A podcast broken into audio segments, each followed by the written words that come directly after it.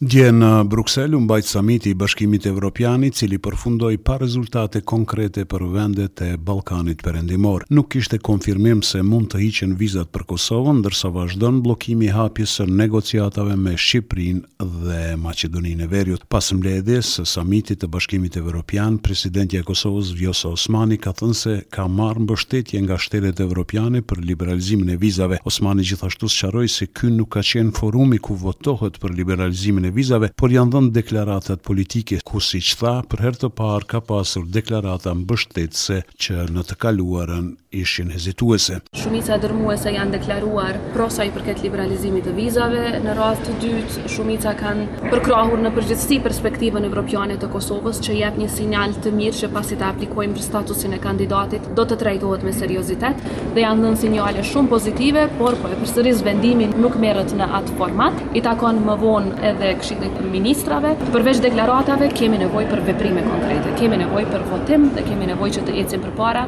me një vendim konkret që do t'i lejonte qytetarëve tanë liberalizimin e vizave. Ndërkohë, kryeministri i Shqipërisë, Edi Rama, është paraqitur i zhgënjyer pas përfundimit të takimit në Bruksel. Ai ka folur edhe për mosliberalizimin e vizave për Kosovën, duke akuzuar rëndë Bashkimin Evropian. Ka një tjetër pengmarrje në proces, që është pengmarrja e qytetarëve të Kosovës, të cilët nuk lejohen të lëvizin lirisht në Europë. Është popullata e vetme, në tokën e Europës që nuk mund të lëvizë lirisht dhe kjo është çmenduri, kjo është e turpshme dhe kjo duhet të marrë fund. Pas përfundimit të mbledhjes së tetë të përbashkët të Qeverisë së Kosovës dhe asaj të Shqipërisë dhe nënshkrimit të nëntëmbëdhjetë marrëveshjeve të përbashkëta, kryeministri Albin Kurti dhe Edi Rama dolën në një konferencë të përbashkët për media. Albin Kurti dhe Edi Rama nuk e anashkaluan temën e Iniciativës Ballkani i Hapur. Për këtë temë, kryeministri Kurti nuk është deklaruar duke theksuar se ajo është e një dimensioni tjetër dhe nuk është çështje bilaterale. Marrëdhëniet tona bilaterale janë të shkëlqyeshme dhe vëllezërore dhe vëllezërit nuk kanë ndërmjetësues midis njëri-tjetrit. Ndërkaq për çështjen e ngritur, ajo është e një dimensioni tjetër, pra jo bilaterale, jo midis Kosovës dhe Shqipërisë dhe për atë nuk kam asgjë të re t'ju them. Në anën tjetër, kryeministri Rama tha se kjo temë nuk do t'i pengojë që të bashkëpunojnë me Kosovën derisa theksoi se Ballkani i Hapur nuk është tema që i ndan. Është e vërtetë që Ballkani i Hapur nuk na bashkon, por ama është po kaq e vërtetë që Ballkani i Hapur nuk na ndan, që do të thotë që në këtë pikë kemi këndvështrime të ndryshme, ky nuk është sekret. Në konferencën për media, kryeministri i Kosovës ka deklaruar se thellimi i bashkëpunimit ndërmjet Kosovës dhe Shqipërisë është i domosdoshëm, derisa duke folur për bashkëpunime të shumta tregtare e investime, theksoi se projekti i hekurudhës Durrës-Prishtinë është ndër projektet më të mëdha dhe më të rëndësishme. Kjo hekurudhë do ta lidhë Kosovën me korridoret që kalojnë pranë nesh, por nuk janë të lidhura me ne, do t'i bashkojë edhe më fort ekonomitë tona dhe do të rrisë lëvizshmërinë dhe lidhshmërinë ndërmjet republikave tona. Ndërsa kryeministri i Shqipërisë, Edi Rama, tha se me qeverinë Kurti kanë shkallën më të lartë të zbatimit të marrëveshjeve të nënshkruara, derisa theksoi se ai nuk ka asnjë interes të përfshihet në politikën ditore në Kosovë. Rama tutje ka deklaruar para mediave se rajonit nuk i duhet një Serbi e radikalizuar derisa shtoi se duhet bërë çmos që kjo pjesë e Evropës të integrohet sa më parë.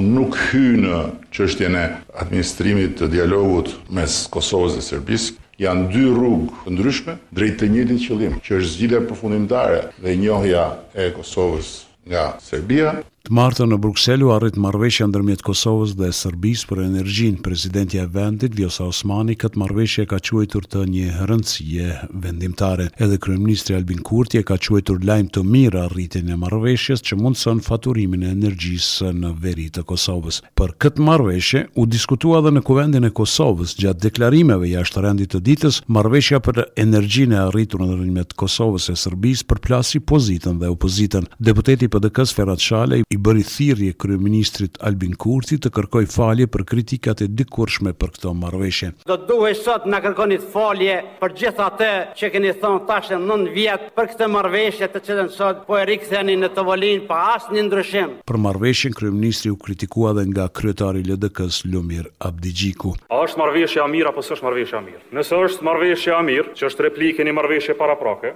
atëherë me drejtë dhe mund t'i shtrosh argumentet se po po kthehet legjitimiteti në veri e po mblidhen tyrat në veri pas njëzet viteve. Por nëse marrëveshja s'është e mirë, atëherë duhet të flasim për legalizimin e Serbisë, po të citoj, në Kosovë dhe në veri. Kritikave iu përgjigj kryeministri Albin Kurti duke thënë se marrëveshjet si probleme i trashëgojnë nga qeveritë e kaluara. Ato nuk ishin marrëveshje të mira, por ato i trashëguam edhe i gjetëm. Kur u bëra kryeministër i Republikës së Kosovës e gjeta KEDS-in edhe KESKO-n. Po të isha më herët unë kryeministër i Republikës së Kosovës nuk do të kishte KEDS edhe KESKO, por monopoli publik është bërë monopol privat, Dhe unë tash duhet të komunikoj e të bashkëpunoj me KEDS-in edhe me KESKO-n. Ndërkaq sot Zyra e Rregullatorit të Energjisë në Kosovë ka licencuar kompaninë Elektrosever që të menaxhojë sistemin energjetik në katër komunat veriore të Kosovës. Elektrosever është në pronësi të kompanisë energjetike të Serbisë, por në Kosovë është themeluar me ligjet. të Kosovës. Ministria e Shëndetësisë ka bërë të ditur se gjatë njëzet e katër orëve të fundit në Kosovë janë regjistruar tridhjetë e tetë raste të reja me Covid nëntëmbëdhjetë. Sipas njoftimit nuk është shënuar asnjë rast i vdekjes, ndërkohë numri i rasteve aktive aktualisht është njëqind e tetëdhjetë e nëntë. Për Radion SBS Mendu Hysa, Prishtinë.